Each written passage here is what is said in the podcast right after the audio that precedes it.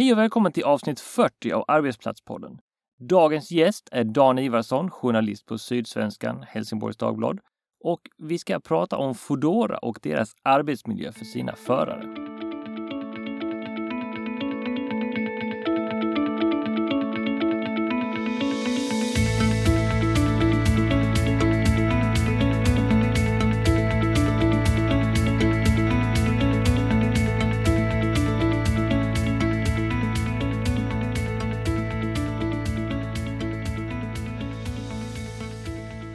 Arbetsplatspodden talar med inspirerande människor om utmaningar och möjligheter på våra arbetsplatser. Ibland är det samtal med spännande arbetsmiljökämpar och ibland är det reflektion och reportage. Målet är att vara din bästa källa för ny och gammal kunskap om arbetsplatsen och hur vi gör den bättre för alla parter. Gillar du podcasten så kan du följa mig på Facebook. Sök bara efter Arbetsplatspodden. Arbetsplatspodden sponsras av Bocadero.se en digital marknadsplats för bokning av talare. På bocadero.se kan du själv lägga ut en kostnadsfri annons att du söker en föreläsare inom exempelvis arbetsmiljö och få förslag på upplägg med priser direkt från talarna. Det är bara att kolla in bocadero.se.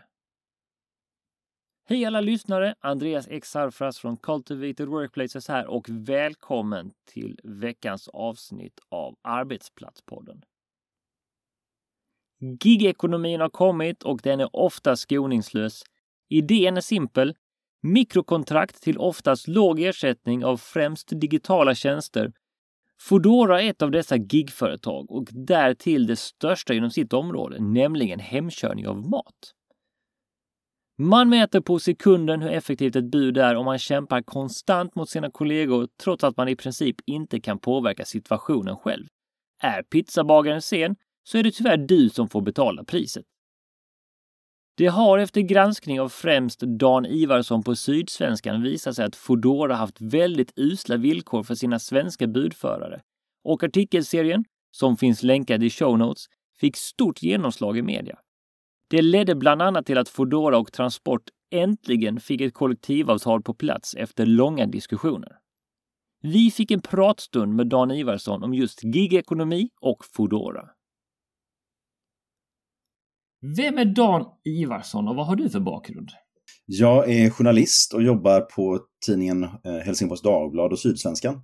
Och jag har jobbat där i ungefär 20 år i lite olika roller. Men de sista åren har jag jobbat som grävande reporter i något som heter Grävnavet. Vi är eh, sex reportrar som ofta jobbar med de lite större granskande projekten tillsammans med våra andra kollegor på tidningen. När du då hör orden arbetsmiljö, vad tänker du kring det? Vad är en bra arbetsmiljö för dig? Jag tänker att bra arbetsmiljö är väl att man eh, mår bra i kroppen och att man mår bra i skallen. Att man är glad när man går till jobbet och glad när man går därifrån. Och avslappnad och liksom inte bär med sig en massa stress och bråte och ångest hem från jobbet heller. Så ja, att man är glad när man går till jobbet och glad när man går hem.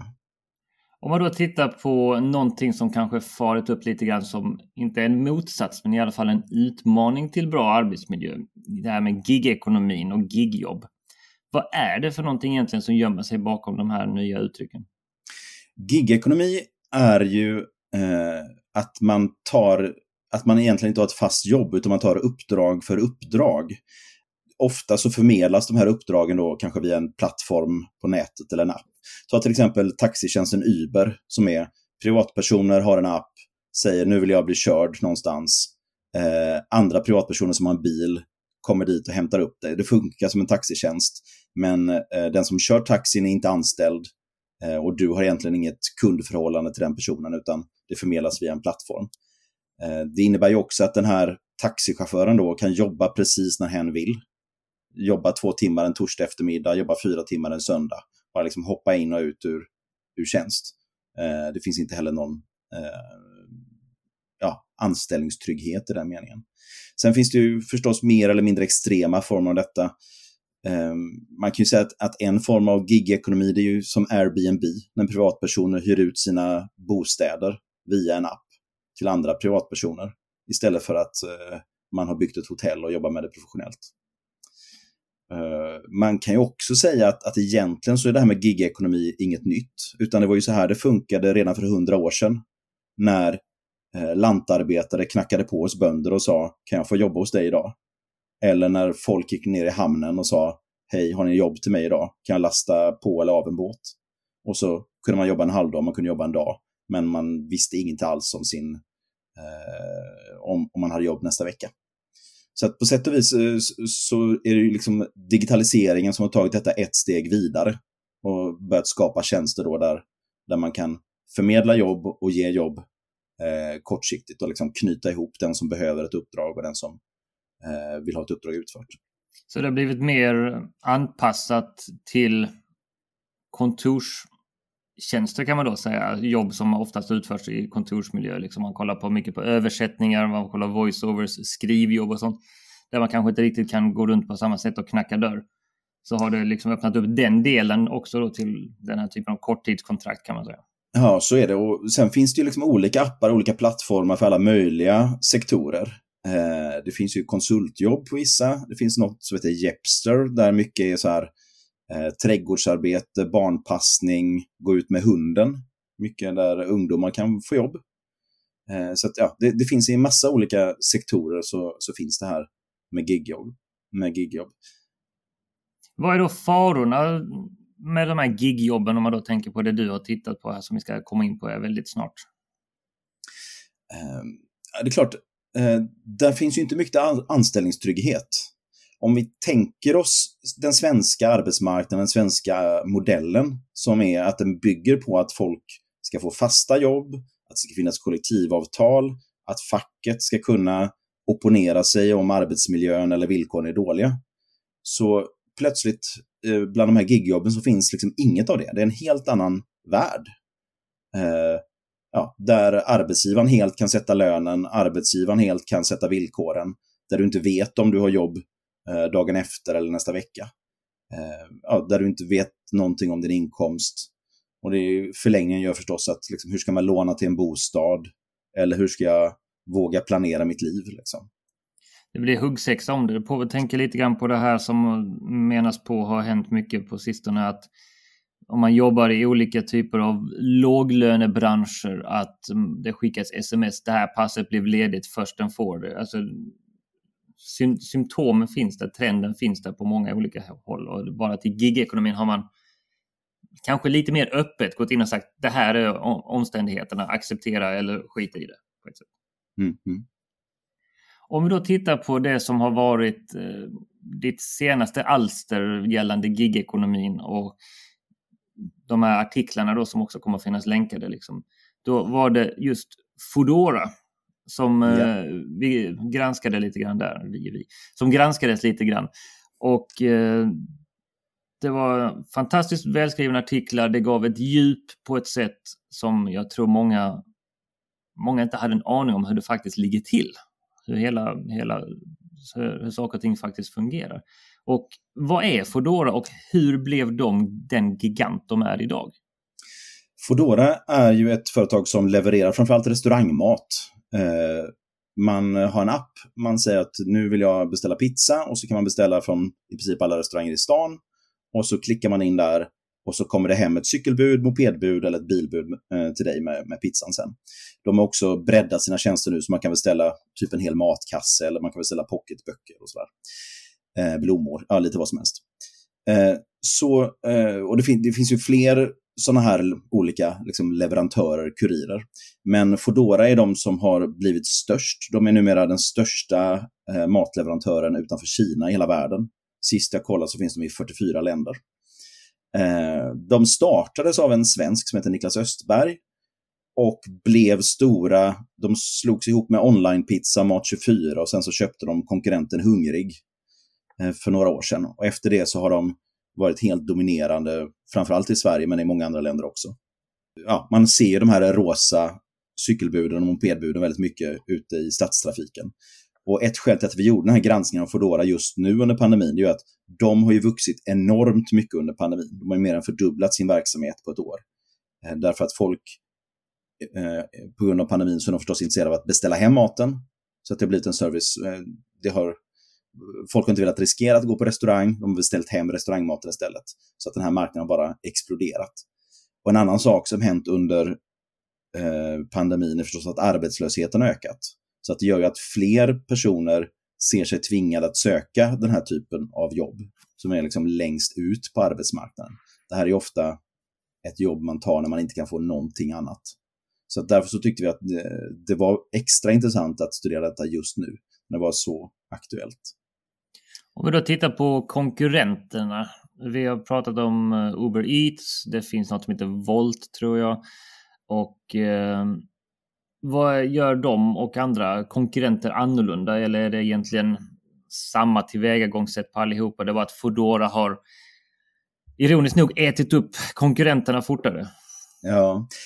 Eh, eh här i Skåne så de som finns är eh, Foodora och så finns Uber Eats som är mycket, mycket mindre. Eh, Uber Eats är egentligen ett ännu mer renodlat gigföretag. På Foodora, Foodora skriver ändå anställningskontrakt med de som jobbar där. Det är visserligen deltidskontrakt och ofta bara på en månad i taget, men det finns ett kontrakt. Jobbar du för Uber så har du nog inget kontrakt alls, utan du går ut och jobbar dina, några timmar när du vill. Du har de här eh. kontrakten mellan, nu fick jag en pizzaorder, nu lämnar jag den. Det var kontraktet slut. Ja, sen kan du gå hem om du vill. Liksom. Precis. Och du får betalt per leverans. Eh, I tidigare granskningar har visat att Uber Eats betalar ännu sämre eh, timlön än vad Foodora gör. Vilket är en jag, bedrift i sig. Ja. Eh, den reporten som granskade Uber Eats, jag tror att han kom fram till att han fick 35 spänn i timmen när han jobbade för Uber Eats.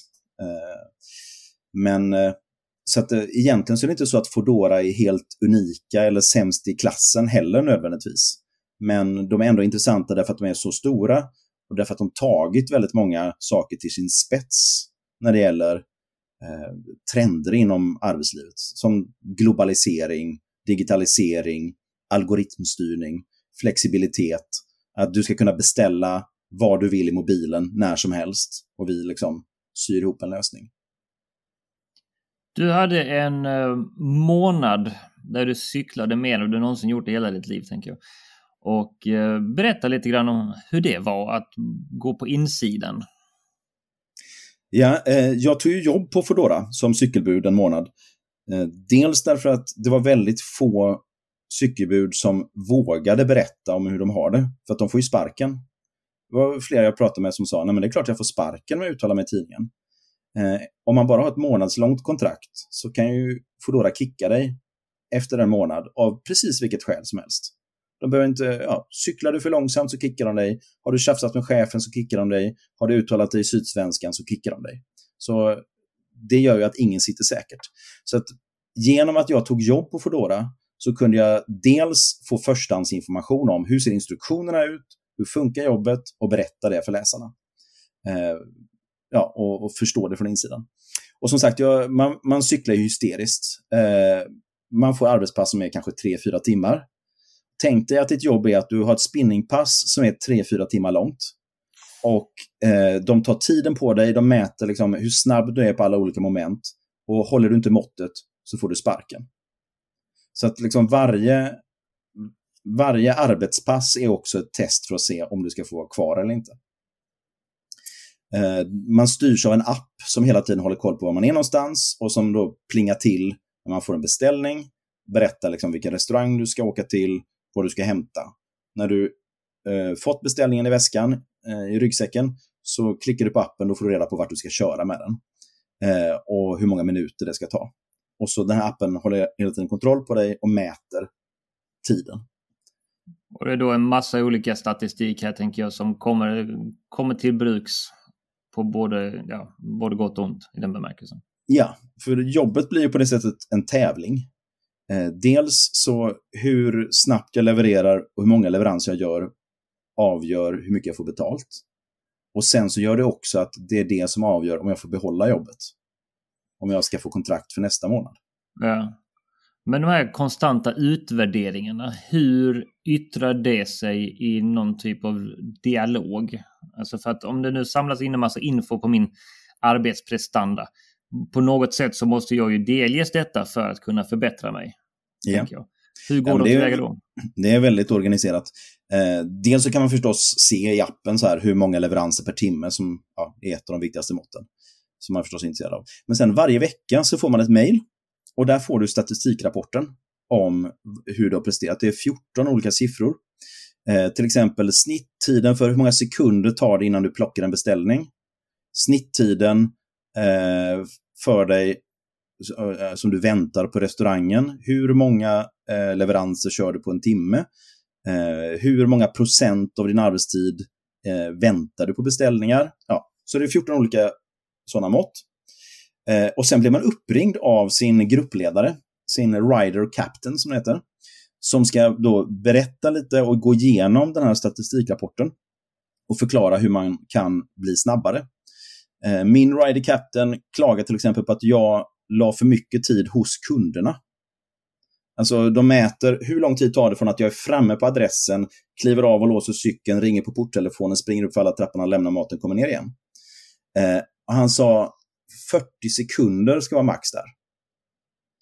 Eh, man ska ringa kunden och se till att de kommer ner till porten och tar emot maten.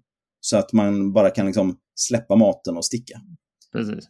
Eh, ja, sådär. Så att man, man, får hela tiden feedback och de berättar hur man ska göra för att bli snabbare. Så men ta genvägar genom parkerna, cykla där det inte finns några rödljus, cykla över övergångsställen och sådär. Liksom hela tiden att man ska bli snabbare. Det är ett konstant tweakande på sin insats med andra ord. Det kan man absolut säga. Och, och, och man ser också, jag kan säga också på nästa statistikrapporten också, så ser man då hur man ligger till jämfört med de andra cykelbuden. Så man kan se, det är färgmarkeringar som är så här, är du topp 25% topp 50% under snittet eller liksom bottensatsen. Och det gör ju också att du, det blir en tävling mot dina kollegor hela tiden. Du måste vara snabbare än dina kollegor för att få behålla jobbet. Eh, och det har också hänt, så, eh, cykelbud som jag intervjuar berättar ju det att deras chef säger eh, ja, vi kommer rensa ut hälften nu inför sommaren. Så du måste tillhöra topp 50 procent om du ska få behålla jobbet. Det låter lite grann som uh, man satt ett callcenter på hjul och drivit det in absurdum. Ja, det är lite som Hunger Games var någon som sa. Ja, men det, det... Ungdomar som kämpar mot varandra för att få behålla jobbet och lönen. Ja, men lite grann så va. Det, går det fe helt fel så får du ställa cykeln och sluta liksom. Men de här matbuden då, riders, som tar de här jobben, vad kommer de in med för förväntningar och hur mår de egentligen i allt det här? Ja, de kommer ju ofta in i detta därför att detta är det enda jobbet de kan ta. Det enda jobbet de kan få. Nästan alla är ju nyanlända invandrare. Nästan alla pratar inte de svenska. Och detta är ett av väldigt, väldigt få jobb som man kan få när man inte pratar någon svenska. Eh, så att många säger att detta är det enda jobbet jag kan få, alternativt eh, jag kunde jobba svart på en restaurang för 25 spänn i timmen. Då är detta ändå bättre. Mm. Eh, sen så vad både Fodora och andra företag i gigekonomin säger det är att amen, eh, Eh, folk idag vill ju ha flexibilitet. De vill kunna bestämma när de ska jobba. Och eh, när man pratar med cykelbud så tycker de flesta att det där är en plåga. Att de inte vet eh, hur många timmar de får jobba eller hur mycket de får jobba eller hur schemat ser ut två veckor fram. Det blir omöjligt att planera sitt liv. Men vissa kan ju också se en poäng med det. Ganska många kombinerar detta med studier till exempel. Pluggar du på universitetet så kan du se till så att du eh, studerar på dagarna och jobbar som cykelbud på kvällar och helger till exempel. Och då kan ju detta funka för att du kan i viss mån då styra när arbetspassen ska läggas. Det påminner lite grann om det här, eh, de här elcyklarna som står överallt och de här stackarna som cyklar runt på hemmabyggda megacyklar där de kan lasta på 20 cyklar och så tar de hem och så kopplar de in allihopa i vägguttaget. Ja, ja där har du ett annat gigjobb. Ja. ja, men precis. Va? Och det är ju uppbyggt på det viset att man kan ju verkligen från, alltså inte egentligen mening lagligt egentligen, men man kan på ett sätt frånsäga sig arbetsgivaransvaret här liksom vad gäller arbetsmiljön, att man ska ha, jag förstår det som att Fodora också inte täckte basic-utgifter liksom för, alltså om en cykel gick sönder, tough luck, det var ditt problem mm. och, och, så vidare. Att det var massa sådana egentligen utgifter som borde vara naturligt för en arbetsgivare att täcka på ett och annat sätt. Som de bara liksom, nej men det är inte vårt problem. Liksom. Och det borde ju skapa ännu mer en Hunger Games-känsla. Ja, så är det. Så är det verkligen att man måste betala sin egen cykel eh, och sin mobiltelefon och ha ett headset och ja, måste ha kläder och så. Det, även de som kör bilar, de som är bilbud, måste ju betala bil och bränsle och en dyrare försäkring då för att den är i yrkestrafik. Eh, de får betala om de skulle få parkeringsböter, eh, service, ja, allt sånt. Så ett bilbud som jag intervjuade berättade ju att han, han på en månad fick han ut 9000 kronor. Och då kostade bilen 7000 kronor. Så han fick ut 2000 kronor på en månad som skulle räcka till mat och hyra. Och han sa, jag har inte råd att ha det här jobbet. Eh, alltså då blir det ju fullkomligt absurt när man inte har råd att ta ett jobb för att det är så dåligt betalt. Och därför att du själv får stå för alla kostnader och alla risker. Det, det är också intressant hur Foodora hela tiden ser till att eh, ja, plocka körsbären se till att, att de bara betalar exakt för de minuter när du sitter på cykeln och trampar i full fart. Plötsligt när sista beställningen, när du kört ut den, pling, så slutar de betala. Och då kan du fortfarande ha en och en halv mil och cykla hem. Ja, precis. För, för att sista beställningen hamnar där ute någonstans. Ja. Eh, ja, eller som om man är ett bilbud och jobbar en lördagkväll, men du får inga beställningar. Då får du inte heller någon lön. Nej. Du sitter i din bil och väntar på beställningar, men eftersom du bara får betalt per kilometer och eh, per beställning så får du inte en spänn. Eh, Det- En annan sån sak är det här när, jag jag berättade om den när Rider Captain ringer för det här ut, utvärderingssamtalet varje vecka. Precis. Det är förstås ingen arbetstid. Det är inget Nej. du får betalt för. Men om du inte plockar upp telefonen så kan du få sparken, står det i instruktionerna. Så att det är hela tiden, ja. Det är ju Eh, fint. Det ja. fa- fanns ju en annan term för det där en gång i tiden som börjar på S och slutar på LAV. Men Mm. det är ju liksom eh, verkligen så här att vi bygger ett sam... Vi, alltså vi har nästan vi har skapat ett samhällsskikt under nästan alltså låginkomsttagare. Där människor liksom som då, om man då kör bil här, va, man får 9000 ut, va, 7000 går till bilen. Och så har du 2000 spänn som ska täcka Alltså det ska täcka hyra, mat, kläder på kroppen och sånt. Och Mm. det betyder ju någonstans ändå att du måste ta ett jobb till någonstans. Ja. Och det innebär också när att man studerar då naturligtvis. det innebär ju också att eh, man är ju van vid att man har ett jobb och så har man en trygghet om man har en fast anställning. Blir jag sjuk så har jag ändå någon slags inkomst. Eh, får jag någon slags problem så hjälper de mig ändå på något sätt. Eh, jag vet att jag får någon slags inkomst nästa månad. Men hos Fodora så är det så att det hela tiden, eh, eh, Fodora tar inga risker alls, utan det är den lågbetalda arbetaren som tar alla riskerna. Eh, det är de som måste betala för bilen, mobiltelefonen och så vidare. Men de vet inte om de har jobb nästa vecka. Ja, de vet egentligen inte om de har jobb dagen efter heller. Liksom, Nej, eller om nej. nästa timme. Utan det, det måste ju bli en enorm stress. Alltså att, att, att jobba under de omständigheterna. Samtidigt så finns det inga andra jobb för dig. Mm, Därför att mm. du hamnar utanför ramar som vi har satt av olika skäl. Va? Och eh, Det blir ju liksom verkligen ett moment 22 att du har inte råd att ha jobbet. Å andra sidan så finns det inga andra alternativ. Mm. Och det tänker jag mig, det är väl de här människorna så pass medvetna om de som startar de här företagen i gigekonomin att de är fullständigt medvetna om det naturligtvis. Hur Mm, saker och ting mm. fungerar. Nej, och där, det var ju liksom cykelbud och mopedbud som jag intervjuade också som säger det att eh, jag tänker hela tiden på att jag kan få sparken. Eh, ett mopedbudet Karim sa att jag har blivit psykiskt sjuk av att ha det här jobbet. Varenda gång jag börjar ett arbetspass så känner jag hur det knyter sig i bröstet. Eh, för det är klart, det är också någonting det här med psykologin i att, det vet man ju från psykologi att det värsta man kan göra för att stressa någon, det är att bestraffa dem för saker de inte kan kontrollera. Och här är det så, eh, ja, du, du får sparken om du jobbar för långsamt. Eh, och det kan du möjligtvis kontrollera liksom hur fort du trampar. Men du kan inte kontrollera om det blåser motvind, om det regnar, om du får punktering, om du får långa körningar, eh, om du får körningar ut till ett område där det är svårt att hitta, hitta portnumren, om Google Maps, om du tappar mobiltelefonen. Alla de där sakerna är osäkerhetsfaktorer som kan hända. Eh, och som kan försämra din prestation som gör att du får sämre lön och riskera att få sparken. Och att hela tiden vara stressad över det, att du vet inte vad som kan hända och du kan inte påverka det. Och ändå så, jag menar, om restaurangen tar 30 minuter på sig att göra färdigt maten, så får jag mindre mm. lön och kan få sparken på grund av det. Ja, precis. Är det, beställer du beställer kunden från en populär pizzeria liksom, och du måste stå i kö och vänta, det påverkar. Och mm. om du bara har en riktigt jobbig kväll att du måste leverera pizza från Västra hamnen till Tygelsjö mm. hela kvällen så får du sämre lön för att du får ingen lön på väg tillbaka från Tygelsjö. Medan mm. din kompis som bara snurrat runt eh, Nobeltorget mm. hela kvällen får... Be, alltså det, det är som du säger, det skapar ju en stress och just det här maktlösheten, att inte kunna påverka sin arbetssituation.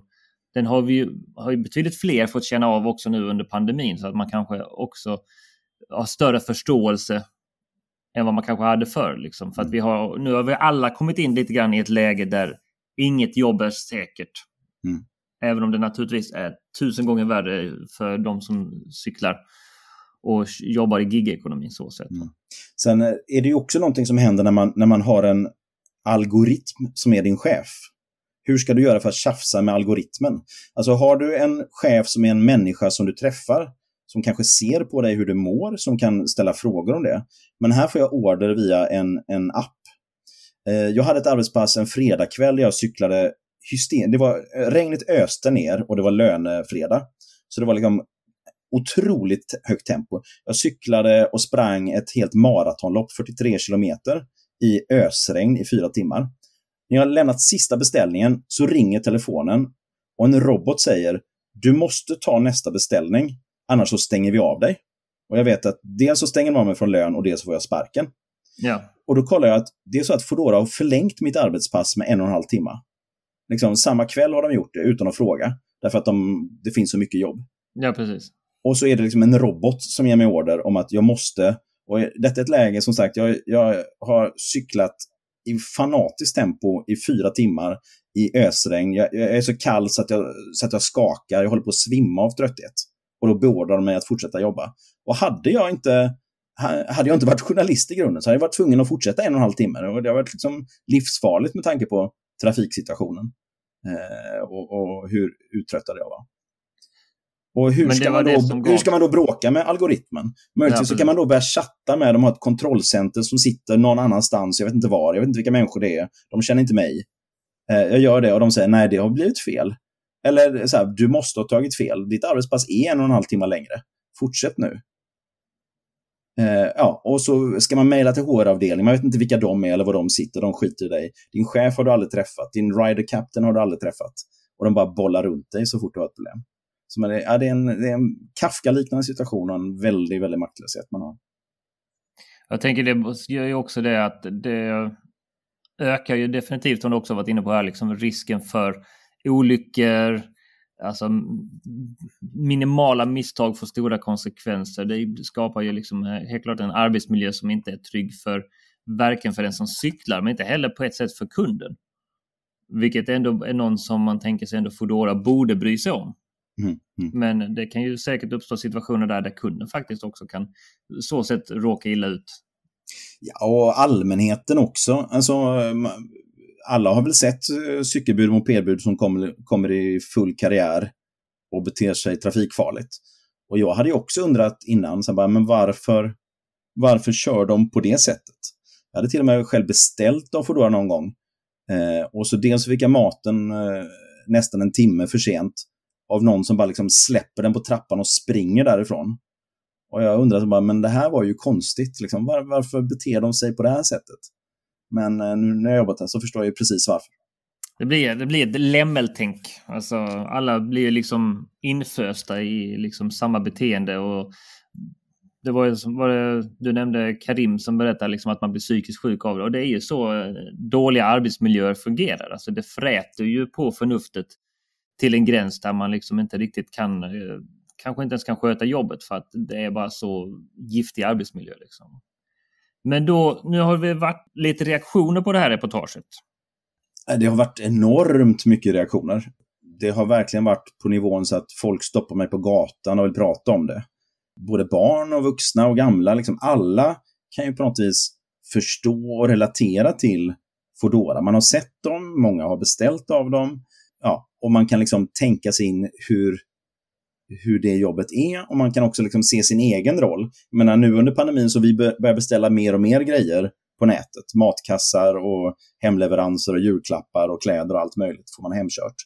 Eh, och, och, det är klart att det är intressant att förstå vad gör det med arbetsmarknaden? Hur ser det ut i andra änden av den kedjan? De som sitter och packar de här produkterna, de som kör ut de här produkterna eh, och jobbar kvällar och helger för att jag ska ha ett bekvämt liv. Jag märker att folk har fått väldigt mycket att tänka på. Att det, är liksom, det startar en, en, en intressant tankeprocess om liksom, vad, är en rimlig, vad är ett rimligt jobb. Det är också så att de flesta av oss är överens om att det ska vara lätt att få sitt första jobb. Det ska vara låga trösklar in på arbetsmarknaden.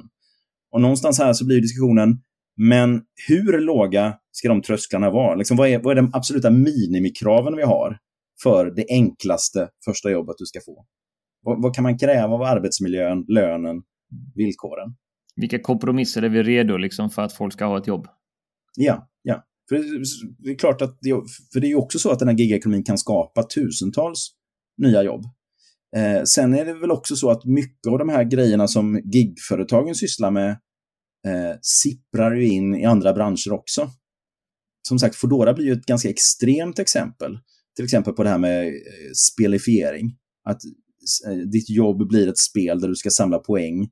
Eh, du är som en datagubbe i ett spel.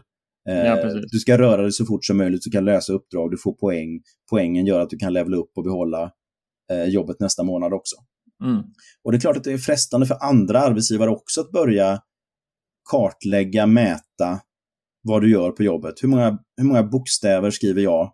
Hur många artiklar skriver jag som journalist? Eh, ska jag få lön utifrån det? Eh, om tidningen ska skära ner, ska de slänga ut de som inte skrivit tillräckligt många artiklar? Alltså, det är klart att, att det, går att göra, det går att göra eh, i massor av olika jobb, mäta hur fort folk jobbar. Det blir en sån bisarr eh, fokus på effektiviteten där man liksom bara... Naturligtvis så måste man ju ha någon typ av effektivitet i sitt arbete. Det är ju ingen som, som har sagt någonting annat någonsin.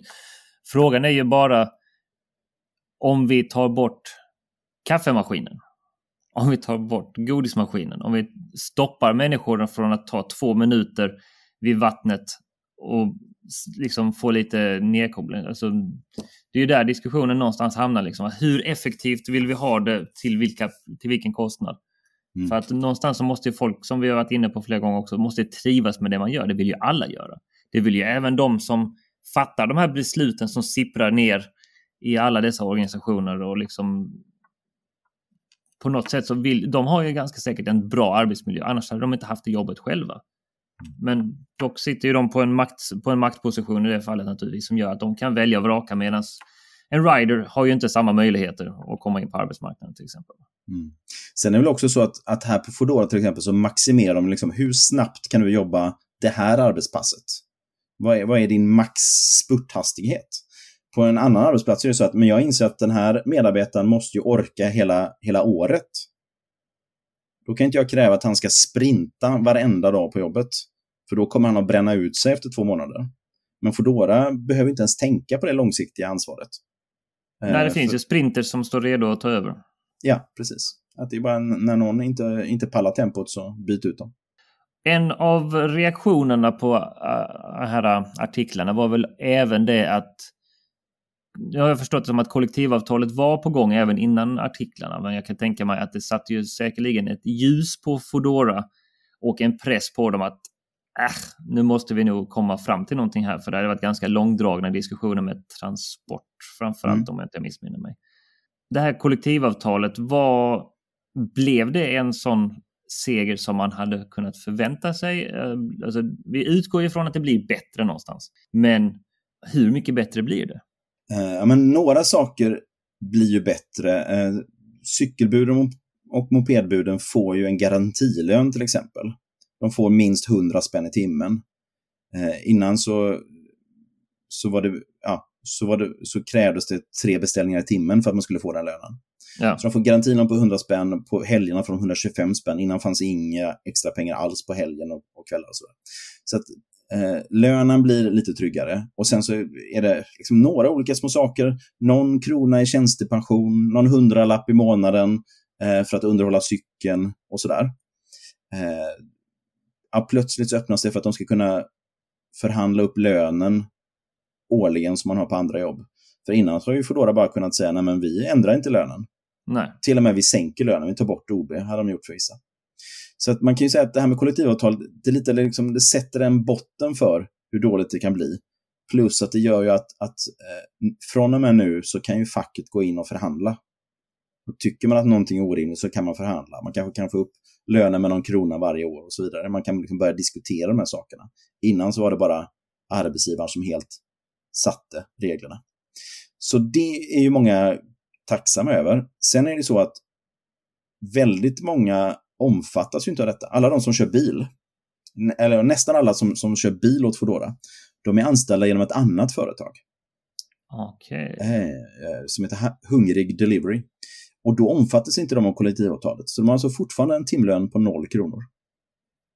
Eh, de är fortfarande i samma läge att de har en timlön på noll kronor, eh, de måste betala sin bil och får bara betalt utifrån hur många beställningar de kör. Så många av bilbuden var ju liksom bittra och besvikna på att de inte är inkluderade. Men det, är liksom, det... Det, blir nästa fight. Ja, det känns lite grann som att uh, det finns alltid en fight när det gäller arbetsmiljö och förnuftiga arbetsplatser. Och det är ett smart upplägg från Foodoras sida sett naturligtvis. För de kan bara peka på och säga att app, app, det är ett helt annat företag. Det får vi ta en annan diskussion om. Va? Och eh, nu tänker jag mig väl att jag tror att det var Foodora tillsammans med Tele2 som gör något test i Stockholm med små mobila enheter som på egen hand kan hämta upp och lämna där man inte behöver ha en människa inblandad överhuvudtaget. Vilket också spinner vidare på hela den här artificiella AI-biten där en robot bestämmer där du inte ens pratar med människor längre. Va?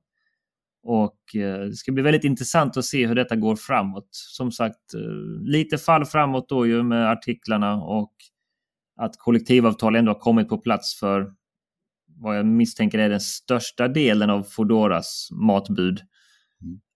Men finns fortfarande fighter kvar att ta. Mm.